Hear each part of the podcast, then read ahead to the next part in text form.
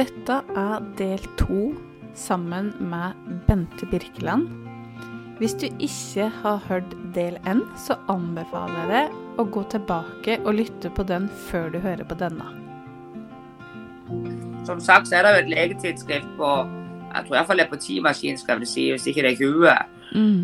Om bare mitt tilfelle, for så spesielt er det. Og de sendte jo prøvene mine til St. Olavs hospital i Trondheim, og det er jo med på det legeskriftet.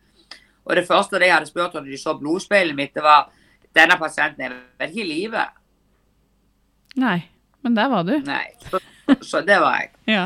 Men sånn var det iallfall. Så gikk jeg hjem, og så hadde jeg en oppfølgings 14 dager i oktober. Så det er greit.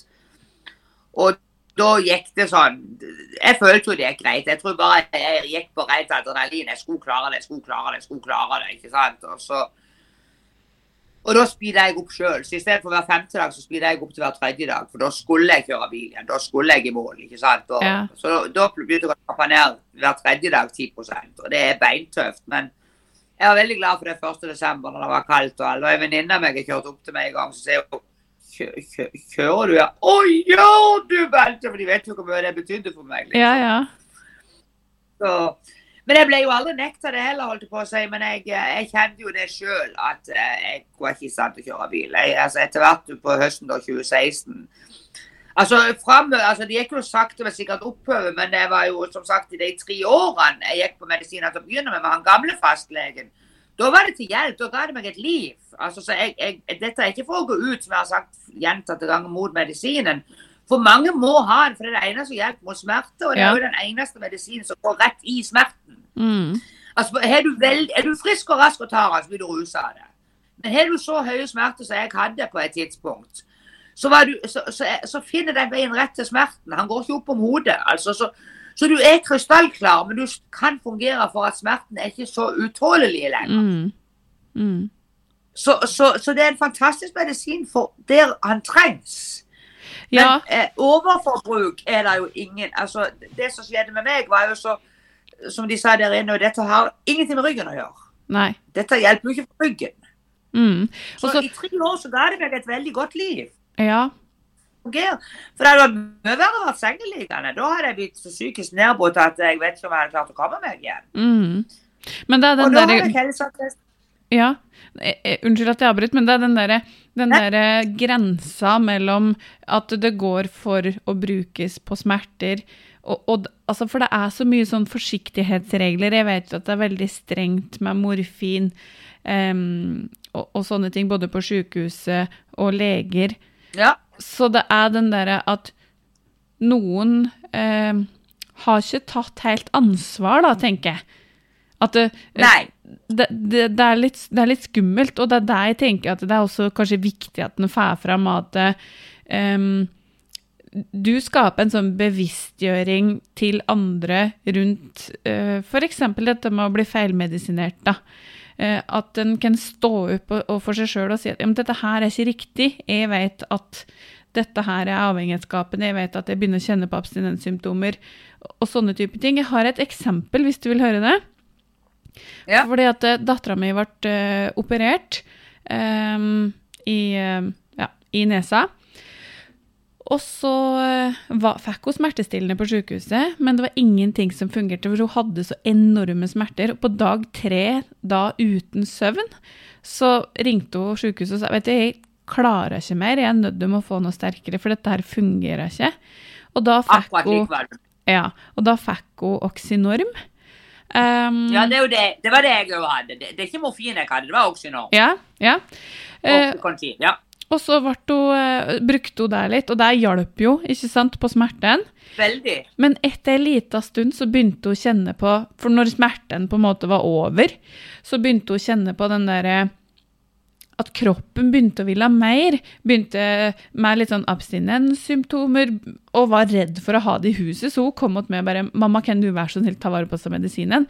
'Jeg vil ikke kaste dem, men ta vare på dem, for jeg vil ikke ha dem i huset'. Å nei. Og det er litt sånn Tenk på så eh, Altså, så Det var jo avhengighetsskapende er det faktisk. ansvarsfullt av henne, da. Ja. Og hun er bare 21.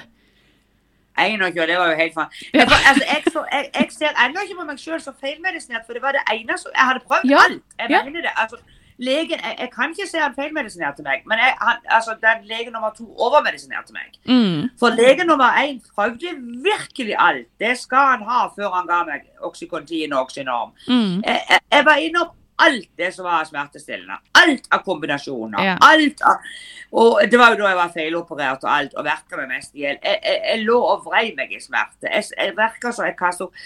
Altså På slutten, stakkar, han hadde ikke noe valg. Det var, han sa det sitter langt innebent, men jeg vet ikke noe annet valg. Og det var jo som å komme til himmelen. Jeg fikk jo et liv igjen. Mm. Mm. Og han visste hvor mye det betydde for meg å fungere. Altså Å ligge sengeliggende på et mørkt rom fire timer i døgnet, det visste både legen og mannen min. Så, så det var ikke feilmedisinering, det, det var rett medisinering. Absolutt. Men det som skjedde etter hvert, det var at jeg ble overmedisinert. Mm. Og det er feil Ja. Det er skummelt. Ja. Mm. Så, det, så det å holde den grensa der, det er jo der jeg er veldig opptatt av. Også. Ikke overgå det skjæringspunktet. Ja, og så at du, du kunne gå til legen og si at eh, vet du, jeg føler meg, jeg kjenner at jeg har sånne og sånne symptomer, eller jeg, jeg kjenner at det er noe galt her, for jeg er ikke meg sjøl. Så tenker jeg at eh, da, da må kanskje eh, dette med å ha den kunnskapen om at oi, her, her har hun brukt eh, Oxynorm eller Oxycontin eller ja, Ketogan eller hva Ja. At den på en måte har brukt deg såpass lenge at eh, du vet at det er en sånn der avhengighets... At det er tegn på eh, abstinens, da. Eh, ja. Og at den da kanskje skulle gått inn litt sånn tidligere i forhold til enten nedtrapping eller endre noe, eller Absolutt. Ja. Det var jo det som skulle skje. Jeg skulle ikke fått beskjed om at det er bare du har fått så høy toleransegrense at du må ta mer. Nei, det er bare å pøse på med mer. Og, og, Det er der, det er der feilen ligger. Mm. Det Mm. var jo det som ødela livet mitt de neste fem årene. ja. Fram til da, så altså Til og med 2015 så har jeg ingenting å klage på. Nei. Utenom at, jeg, det hadde heller ikke skjedd hvis de kunne operert meg uten at det hadde gått fire år. Men det er en helt annen historie. Den går vi ikke inn på her.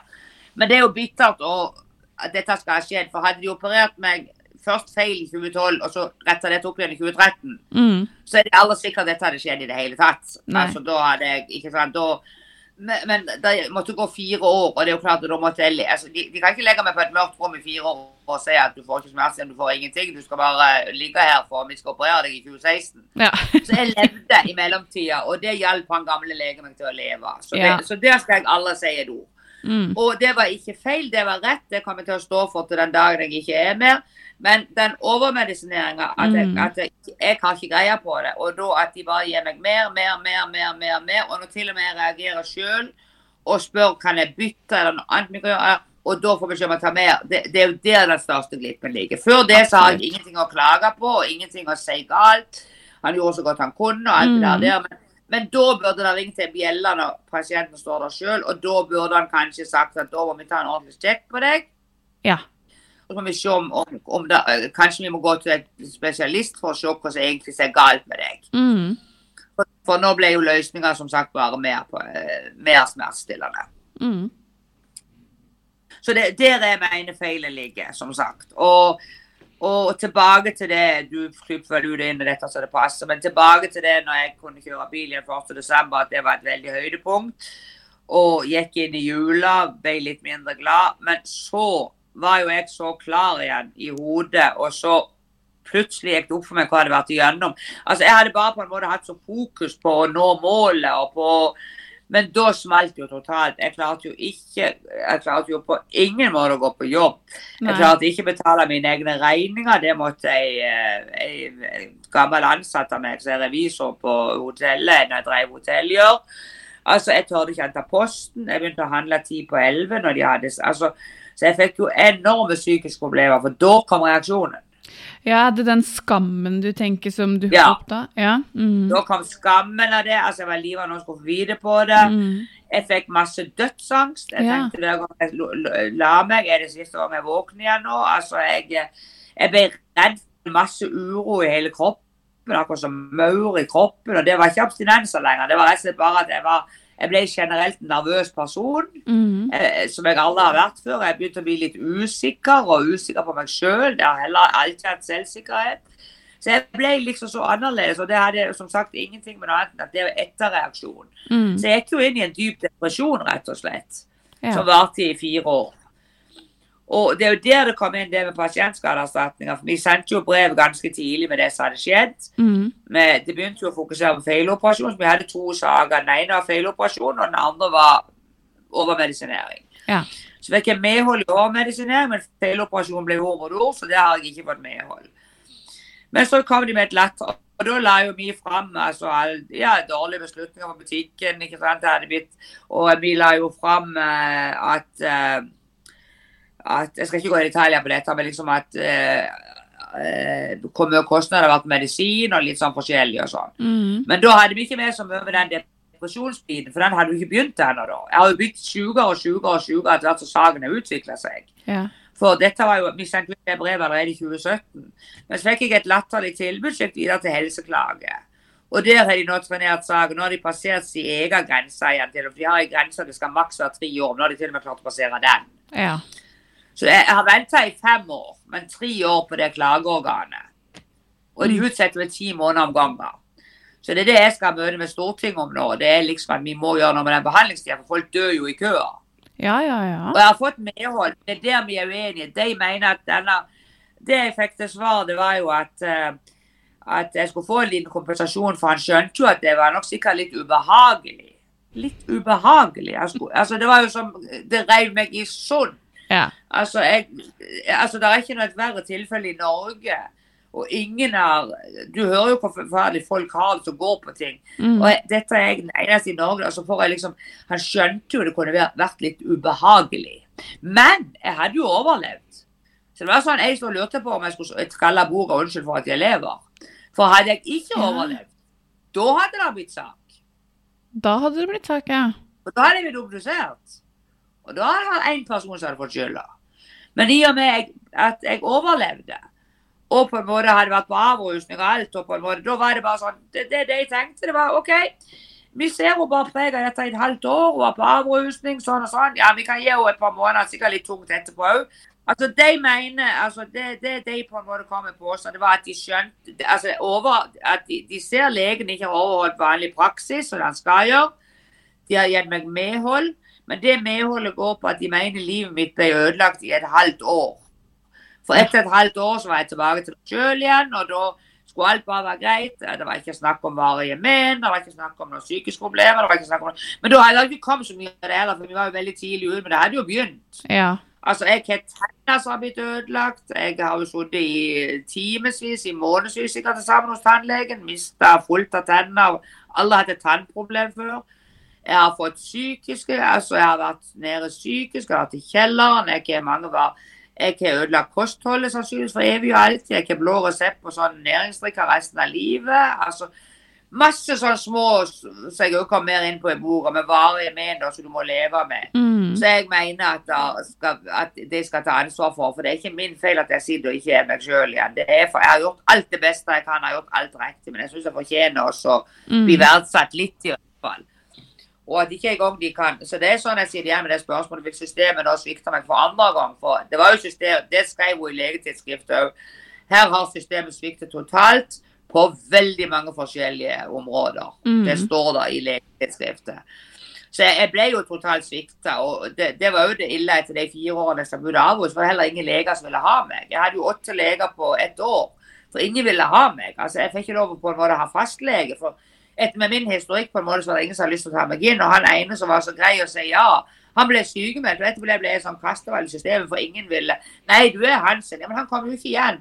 Ja, men vi har fulgt, vi har fulgt, vi har fulgt. Men i 2020 så begynte det en fantastisk lege i Flekkefjord på et legesenter her. Og hun så hele mennesket. Hun så forbi ryggen. Hun så forbi eh, altså hun, hun klarte å finne en løsning som fungerte for meg, så jeg kunne leve godt både fysisk og psykisk. på en måte.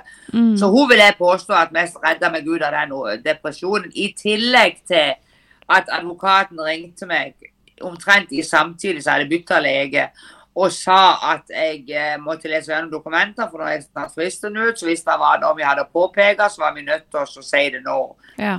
Og da, når jeg leste det etter så mange år, og jeg hadde slitt så mye, og jeg ennå sleit, Ja. og det var så bagatellisert, da eksploderte jeg. Og da fikk jeg vendepunkt, som jeg kaller det. Altså, da ble alt erstatta med sinne. Mm. Det var mest som depresjonen Altså, jeg har jo mine dager innimellom. Det har jeg en dag i dag. Og som jeg sa i begynnelsen, det kommer nok alltid til å ha.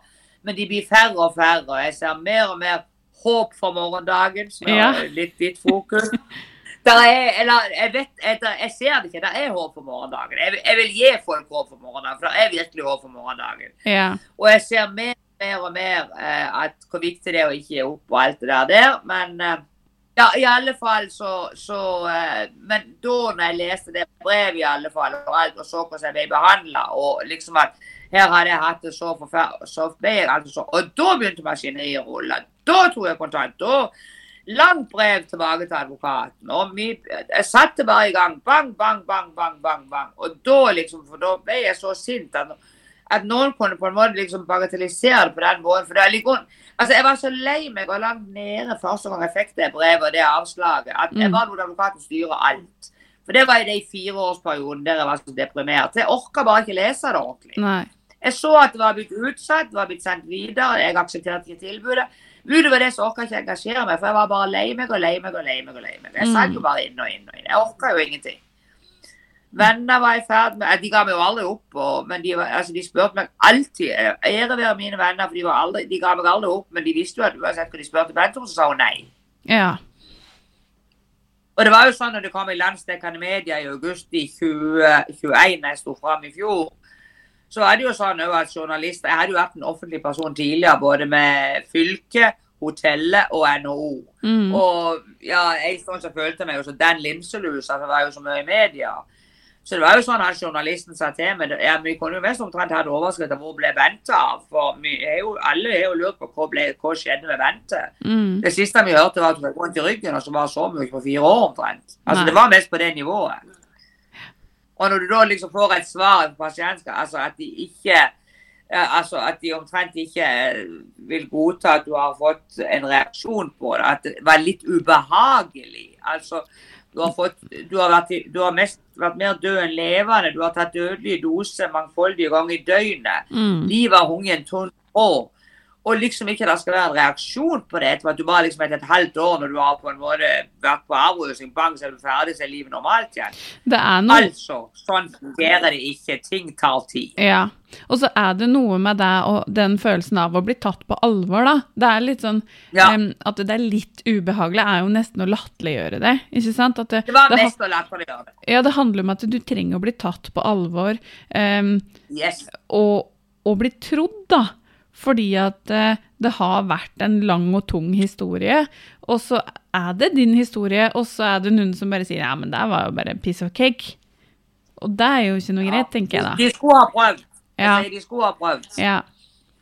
Som Mm. sagt, altså, når verre har jeg de, de verste smertene av de verste smertene jeg har hatt i ryggen, der jeg har ligget og revet meg i håret på gulvet og hylgreiene som voksen dame på noen og 40 år, har ikke vært så vonde som det var å være i den situasjonen. Nei, ikke sant. med, med, med å, å ha psykiske problemer. Mm. det, eller å, å være så mentalt utslitt og Mm. angst. Og jeg har fått så respekt for folk som går med angst og uro og nervøsitet at du aner det ikke. Det det, altså, jeg skal ha så mye fysisk smerte før jeg syns mer synd på meg sjøl eller de som har det, enn de som har psykiske problemer. For Mm. Jeg har alltid vært sterk og sett på meg sjøl som ressurssterk. Jeg har vært den alle har tydd til, alle har kommet til.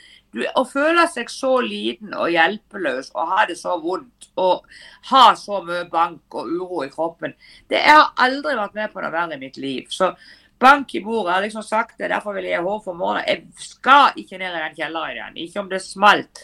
Jeg skal holde meg her oppe, og jeg blir like skuffet hver gang jeg får et nytt utsettelse fra den erstatter. Er derfor vi mange gir opp. Jeg tar denne kampen for hele Norge, at vi må få ned behandlingstida. Ja. Som sagt så har jeg møte med Stortinget nå.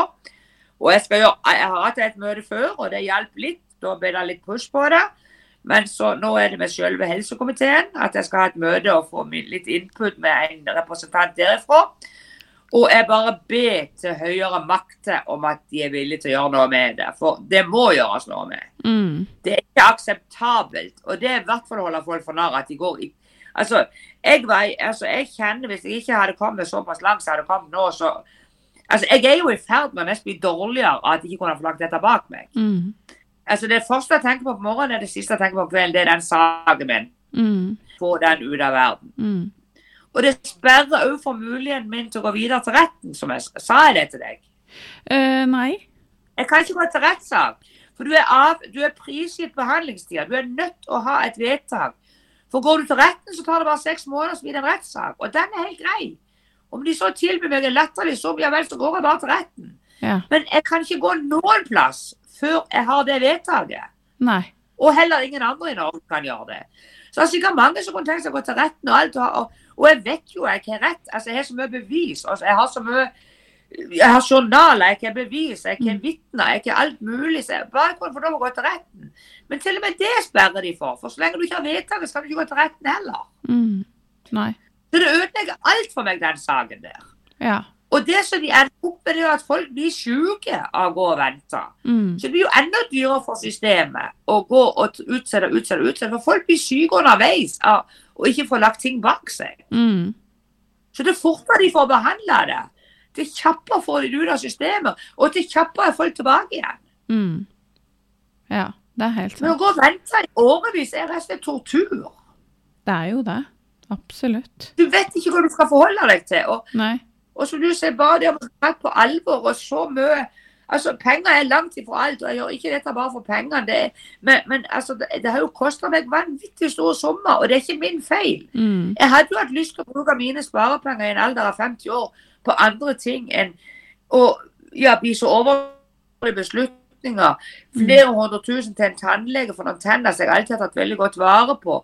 Flere hundre tusen i medisiner som de har sagt at jeg må ta så og så mye, så det blir 60 000 i måneden. Altså, jeg hadde jo veldig lyst til å bruke mine penger på å reise og andre ting. Jeg, altså, jeg skal ikke ha noe jeg, jeg sier ikke at jeg skal ha en hel haug med penger og tror jeg blir rik. og nå skal jeg, altså det er ingenting. Men jeg syns de kunne hatt så respekt for meg. De kunne iallfall gitt meg tilbake det jeg har måttet, denne sykdommen har kosta meg. Mm. Det har tatt ti år av mitt liv, og denne sykdommen har gjort meg ufør. Mm. Hadde jeg millioninntekt, jeg sitter meg uføreinntekt nå. Ja. Og det er ikke rettferdig. Nei. Og det var medisinene sin feil. Det var, de, altså, det var over, ikke medisiner, men overmedisineringa sin feil. Mm. Hadde ikke jeg blitt overmedisinert, så hadde ikke jeg slutta i politikken. Hadde ikke jeg blitt overmedisinert, så hadde jeg kanskje aldri slutta med butikken. Ikke, altså, ikke, så det skyldes så mye. og Hadde ikke jeg vært overmedisinert og, og, gått rett i kjelleren, så hadde jeg heller ikke blitt sykemeldt. Men når ikke du tør å hente post engang, så tør du i hvert fall ikke gå på jobb. Nei. Så, så alt dette henger så sammen. At hvis ikke dette, så jeg mener i alle fall jeg burde få tilbake det som den sykdommen skylder meg. Så skal ikke jeg forlange mer. Men Mm. det handler litt om respekt for mennesket. Skal jeg bare godta at de har behandlet meg på den måten, og skal jeg bare være sånn OK, ferdig. Arrogant. Mm. De skal jo være der for å hjelpe oss. Mm. Helt enig. Men, jeg har til og med fått medhold, som sagt, men det tar de tre år å komme med et tilbud på bordet. Ja. et tilbud. De skal ikke ta stilling til om jeg har rett. De skal ikke ta stilling til om jeg har rett på noe, for de har sagt jeg har rett på noe. ja. Og så tenker De klarer ikke å komme med tilbud. de, de har jo et ansvar, så jeg tenker at eh, jeg håper du, du får rydda litt og ordna litt i den saken der, og at du ehm, du får det utløpet som du trenger og som du ønsker. Og at den også Ja. har den der åpenheten rundt at ehm, det skal ikke være så vanskelig for folk å ta opp en sak sånn, da. Det skal ikke det. Det bør ikke være så vanskelig. Altså, du blir svikta så totalt. Altså, du har, som jeg sier, legetidsskrift, mange, altså, så mange folk som har svikt, eller så mange institusjoner som har svikta, og, og aldri hatt noen rushistorikk. Alle har hatt noen verdens ting, har tatt Paracet, og så skal du komme opp i alt dette her, og så skal du på en måte mest bli Ja, altså føler, altså, jeg føler liksom på en måte bare at det bare feier det vekk. på en måte. Jeg kan ikke Mm. forklare det. altså. Jeg sier Denne kampen tar jeg jo selvfølgelig for jeg vil legge det bak meg sjøl, men jeg tar den òg for alle de andre som står i kø. De som har gitt opp. Pasienter, ALS-pasienter og andre typer pasienter som ikke har tid til å vente. Mm. Altså, Vi må få ned den behandlingstida av respekt for individet, så de kan få lov å komme seg videre i livet. Mm. Og Er det et rettferdig tilbud, så går du videre i livet. Er det et urettferdig tilbud, så har du gitt dem mulighet til å gå til rettssaken. Da har Helseklagenemnda gjort sitt. Men gi dere i alle fall muligheten. Nå sperrer de for alle muligheter.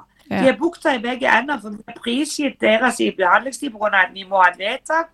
Vi kan ikke, vi kan ikke gå til retten. Mm. De sperrer alle utganger for oss som står i kø. Mm. Og det er det vi må få gjort noe med. Ja. Mm. For det kan ikke være godt organisert når det tar tre år å komme med et tilbud. Nei, det er, Det- Altså, det, det er vel litt for dårlig, er det ikke det? tre år. Ja. Og de sa til meg i april, nå har vi fått alle pengene, de har fått alt av oss, men de skulle ha sin egen. De innhenta ny dokumentasjon, for da hadde de lovt det til Stortinget. Mm. Og de hadde innhenta ny dokumentasjon, og liksom holdt dere for narr. Så får vi nytt brev igjen nå. Å nei, de ble visst ikke før i januar likevel. Siden april så har de sagt til meg det kommer snart, det kommer snart, vi har fått all informasjonen. Dere får brev om tre uker igjen. Og plutselig nå snudde de helt om. Dere, vi har behandla det sånn at det blir januar 2023 allikevel.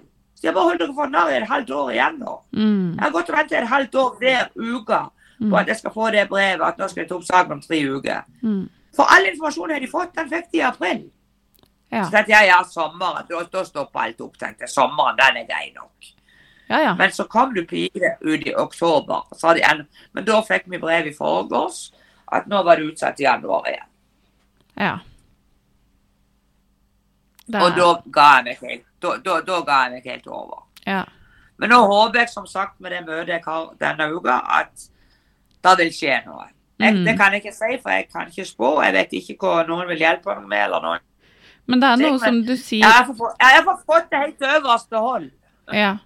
Ja og så tenker jeg det er litt sånn som du, eh, som du sier, dette med at er, Ja, dette med å ha det håpet for morgendagen. Så jeg tenker det at eh, du får ikke gjort noe med det, men du, du kan jo alltids ha det håpet med det. Jeg har håp med det. Mm. Det er absolutt håp. Mm. Så jeg sier så lenge det er liv, er det håp. Ja. Og altså, som sagt, altså, alt det andre har vært igjennom, det var et lys i det fjerne. Jeg ble sint, jeg så lyset, og jeg har et veldig godt liv i dag. Mm. Jeg har mine ting, men jeg lærer deg å leve med det utrolige. Så Mm. det, det viktigste er vel fram til det aldri, aldri gi opp. Ja. Det kan ta tid. En må være tålmodig. Det kan være ett skritt fram og fem tilbake, men er du tålmodig For alternativet er det jo ikke. Nei. Hvor er alternativet? Det er jo to be or not to be. Ja, det er jo egentlig Det Det er så tøft. og Jeg skal ikke, over, jeg skal ikke si det ikke er tøft, for det er beintøft. Ja. Å komme seg opp av den grava, eller ikke grava, unnskyld. Å komme seg opp av grøfta er beintøft. Ja. Men så er jeg så glad. Altså, jeg har vært bestemor i hele helga, vært farmor. Jeg, jeg skrev et sånt takknemlighetsbrev på Instagrammen min her om dag, eller her på søndag. Ja. Etter sånn en helg med barnebarnet mitt, så er jeg bare igjen med ei helg fylt av takknemlighet. Mm. Hvor glad jeg er for jeg har livet, Mm. og hvor glad jeg er i livet, og hvor veldig mye mer jeg har å leve for. Mm. Tenk hadde livet mitt frarøver meg. Ja. Og det skulle det blitt hadde, det vært, hadde jeg vært normal i forhold til å ta, tolerere toleransegrensa, så skulle jeg vært død. Ja. Tenk så bortkasta hvor mye jeg hadde gått glipp av. Mm. Så, så det er så faen Det er alternativet. Det er ikke et alternativ. Bare husk det. Mm. Jeg vil ikke si det, for det sier jo at du gir deg helt opp. Og vi har ikke råd til å miste noen. Vi skal ikke miste noen. Nei. Men Vi må, vi må gi folk hjelp. Ja, hva, hva gjør du? eh, For du sier jo da at du kjenner jo fortsatt på ting i dag, men, du, men hva gjør du for deg sjøl i dag for å um, For å holde det oppe, for å på en måte ha det pågangsmotet som det høres ut som du har. Hva gjør du for deg sjøl? Ja, det kan du riktig si, for jeg har mine dager der jeg fortsatt ikke har lyst til å gå over dørstokker. Ja. Jeg har fortsatt dager der jeg har lyst til å ikke jeg har lyst til å bare sitte omtrent under dyna og se på TV, for jeg har litt sånn flashback, jeg har litt uro og ja, litt sånn Jeg har det ikke noe særlig godt. Jeg pynter meg, jeg går ut, og jeg går til byen, og jeg treffer folk. Det er helt grusomt. Jeg har angst så det holder. Ikke angst, men sånn uro. Ja. Men jeg gjør det, det, det mest som jeg har klart. å- Det er noe jeg har begynt med i det siste. at I hele fjor tror jeg jeg levde på ren adrenalin. For det skjedde så mye, jeg hadde ikke tid til å puste opp. Nei. Men i årene jeg ikke puste opp litt, og jeg begynner å få ja, Foredraget er på plass, jeg skal bare bli ferdig med boka først.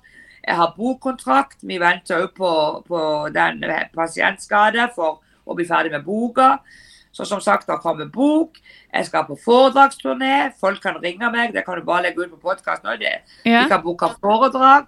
Alt er klart. Jeg har hatt premieren og alt. Mm. Men liksom nå måtte jeg bare puste ut litt, for det skjedde litt for mye på veldig kort tid. Mm. Og da kom det litt sånn alt det jeg har hatt igjennom, alt det som skjedde det året, og litt sånn.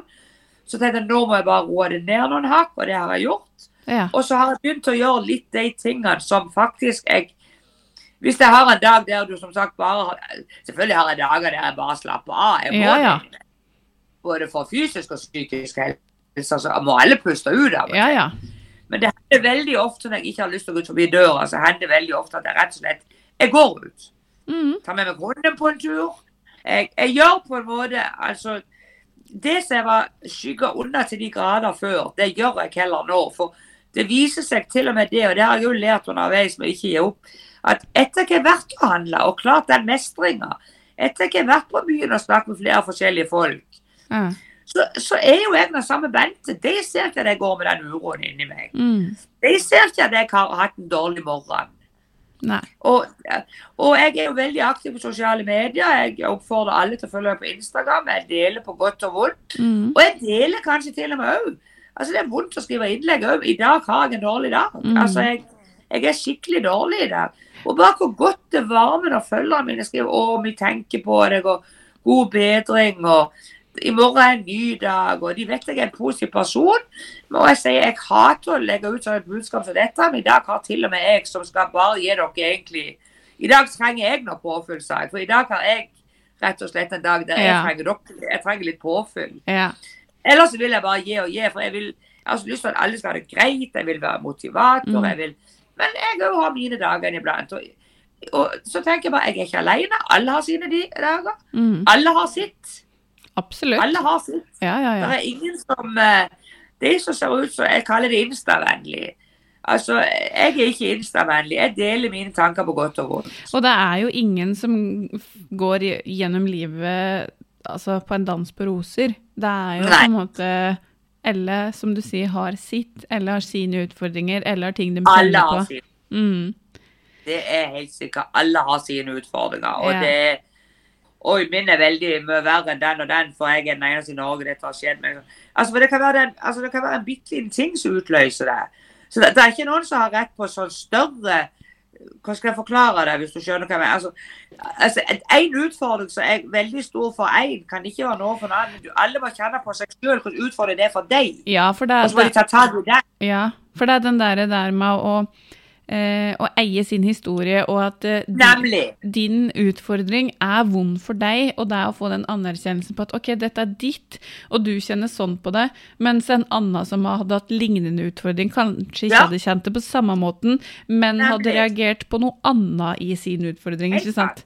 At vi Det er er så viktig å eie sin historie, og at det er du sjøl som føler på det du føler på. Og altså, Det som er tøft, det er tøft for deg, og da må en Mm. deale med det på en måte. Altså, en, jeg går ikke og sammenligner meg med noen og tenker jo som at de er den liksom, de er den. Altså, jeg har respekt for alle som har det tøft. Jeg Ja. bare håper det går greit med dem.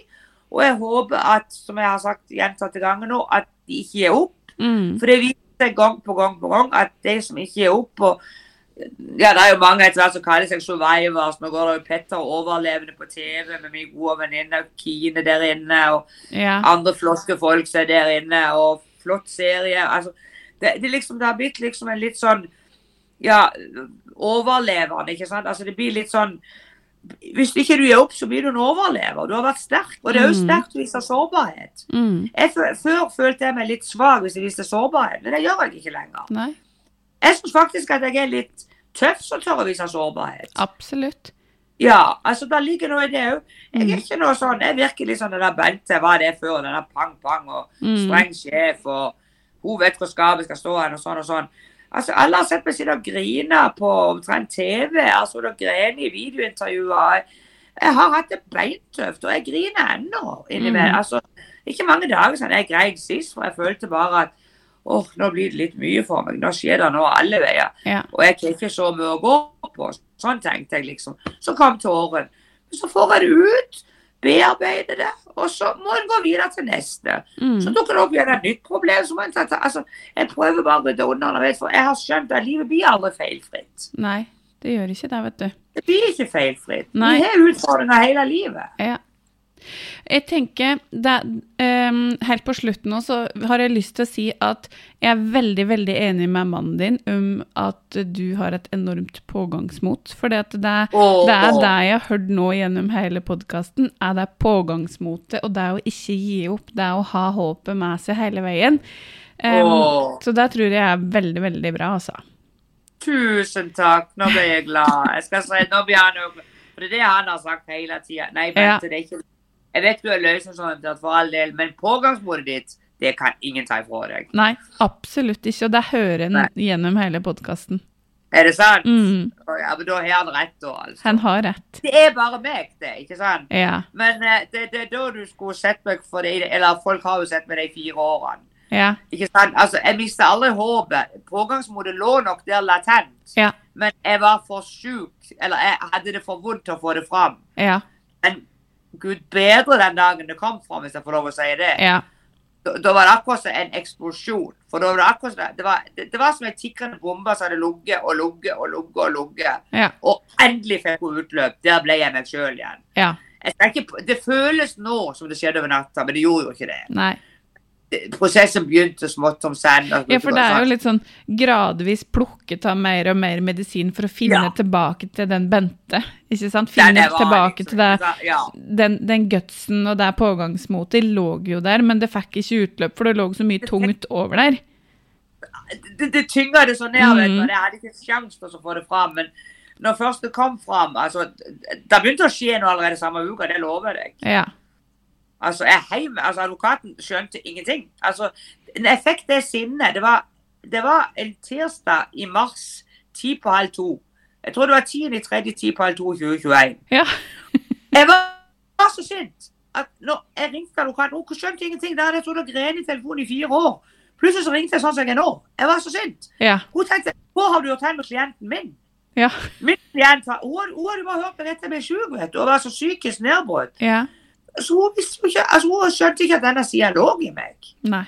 Hun bare 'Du og stakkar, Bent. Jeg er så lei meg for dette her. Uff da.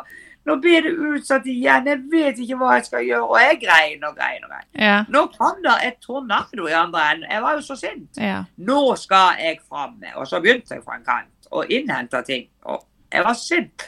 Og så kom mannen min hjem fra jobb, og så var jeg plutselig Jeg hadde gått på jobb sånn Ha en fin dag. Og sånn. Så helt vanlig sånn. Mm. Stille og rolig og ja, litt lav og litt lav. Så kom han hjem fra jobb, så for jeg rundt her i huset. Og, og jeg prata, og jeg fortalte om det som hadde skjedd, og jeg fortalte om brevet. Fortalte... Så han bare sto sånn Hva er så? Til kona mi, han. Ja. Altså, hva har skjedd? Mm. Så, så det, var, altså, det var mer som lyd for Men som sagt så gikk det jo ikke rett til himmels. Det, det gikk jo opp og ned. Men akkurat den dagen, det føles bare som jeg på en måte hoppet ut av et skap. Altså, det var en fantastisk følelse. Ja.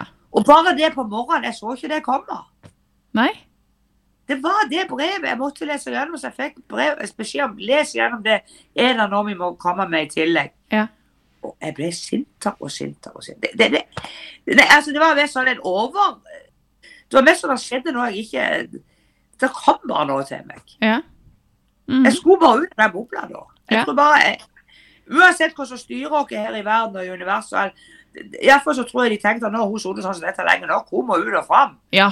Nå skal vi henne litt guts her. Nå skal vi fremme Nå, pågangsmotet ja, igjen. nå skal hun ut og fram. Mm. Noen, et eller annet må ha hjulpet meg, i alle fall. For at, at så, det skjedde mer fra halv ni på morgenen, eller fra halv åtte på morgenen til mannen på jobb, til halv fire enn det hadde gjort det siste året omtrent. Mm. Det er helt ufattelig. Mm. Men helt på slutten, Bente, eh, så må jeg spørre deg, er det, har du noe råd? Eh, har du noen tips, noe råd, eller noe du har på hjertet som du har lyst til å dele til lytteren? Jeg kommer hele veien tilbake til at du må ikke gi opp, fra er et lys i det fjerne. Ja. Altså, det, det er liksom det som er det beste rådet. Altså, Uansett hvor tøft det virker i dag. Er jeg, jeg mener jo det er et råd, jeg. Mm, det Er er, ikke det et råd? jo, det er absolutt et råd. Det er med Ja, at jeg det er alt, uansett ja, ja. At det er alltid et håp for morgendagen. Det er alltid det er lyset i tunnelen. Det, det føles veldig svart, og hvis jeg tenker da, hvis at du ikke har det håpet, så kan andre være bærere, for håp, for, altså bærere av håpet ditt for en periode. Uh, og da kunne Ja. be om hjelp, ikke sant? Men alltid ha noen som kan hjelpe deg å bære det håpet, eller du bærer det på egen hånd, da, tenker jeg. Uansett hvor mørkt det virker, så er det alltid et håp i det fjerne. Jeg er oppriktig mener at det finnes ikke et alternativ. En må ikke gi opp uansett, men det kan ta tid. En må være forberedt på at det kan være tøft. Men en må trøste seg med at det er et håp i det fjerne. Og tenk på hvor I alle fall er mitt, min erfaring at alt det gode jeg hadde gått glipp av hvis jeg da hadde gitt opp. Mm. Jeg har så mye å leve for. Og én ting òg når du har hatt gjennom noe tøft, det er at du ser ting i et annet perspektiv. Mm. Altså Store problemer før er plutselig ganske mye mindre nå. For jeg er rett og slett eh, så takknemlig for ting som jeg aldri har vært takknemlig for før. Før tok jeg mye mer ting som en selvfølge. Ja. Jeg er utrolig til å være takknemlig for gode venner. Jeg er alltid vært takknemlig for det, men liksom, nå sier jeg det hver gang jeg ser dem, hvor glad jeg er i dem, og gir dem en klem. For jeg vet det er ikke en selvfølge at jeg ser dem i morgen. Det er ikke en pris på hver morgen at jeg slår opp øynene. Mm. Jeg setter pris på at jeg har god familie, jeg setter pris på at folk er friske og raske. Jeg setter pris på å bli satt pris på. Ja. Altså, skjønner du? Altså, jeg, jeg, jeg setter pris på så mange ting som på en måte Mm. ting, Ja, det er så mye som har fått ny betydning. Så på en måte så er ingenting så galt ikke godt for noe. Nei, det er noe med det. Og det, Ja. og det er jo også um, Jeg har prata med veldig mange, og det å allikevel om opplevelsen Historien er drøy. Uh, det er mye uh, skam, skyld, urettferdighet. Altså det ligger mye vonde ting bak det.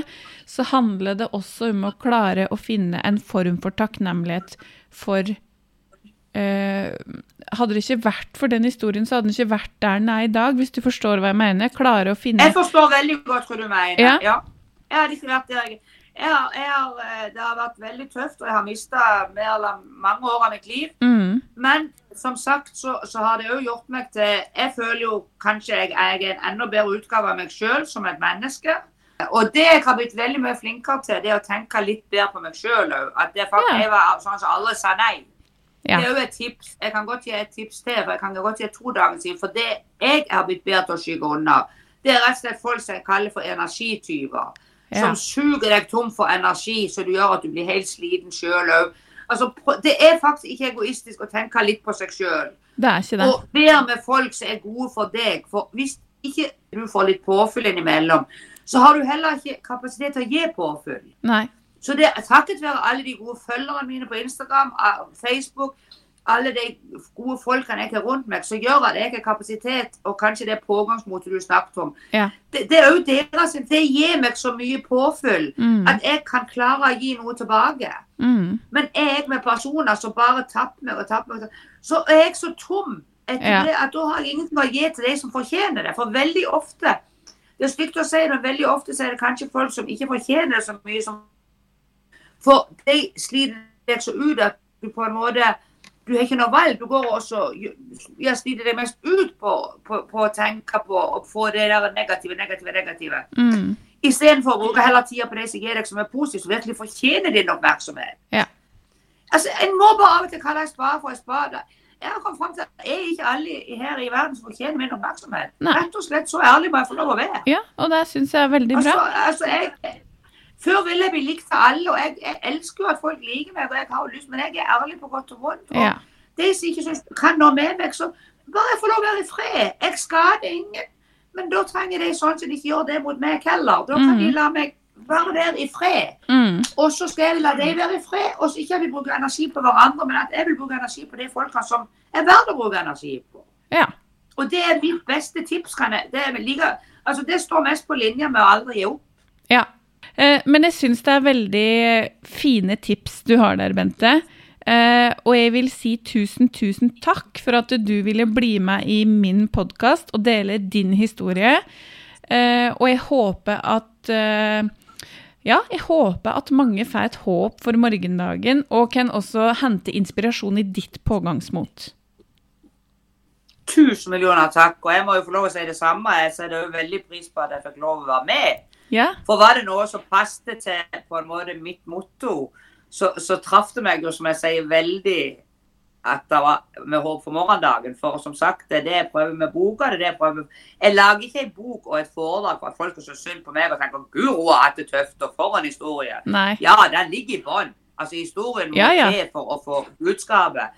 Men, men, men det jeg vil med alt dette, det er jo rett og slett å gi håp for morgendagen. Mm. Det, Ja, det, det er alt bundet i. Det Ja. det som er mitt budskap. Det er ikke at jeg skal stå og la eh, flest mulig være på hvor tøft jeg har hatt det. Det er ikke poenget i seg sjøl. Det er en indirekte årsak til at jeg gir folk et håp for morgendagen. Ja. For det er det samme hvilken utfordring. Nå har jeg min tøffe utfordring, så har naboen sin, og så har du din. Ja. Det er ikke hvilke som er. De kan være små, de kan være store, men det er alltid et håp for morgendagen. ja. Ikke sant? Så bra. Det er det viktigste Ja. for meg. Eh, Tusen, tusen takk, Bente.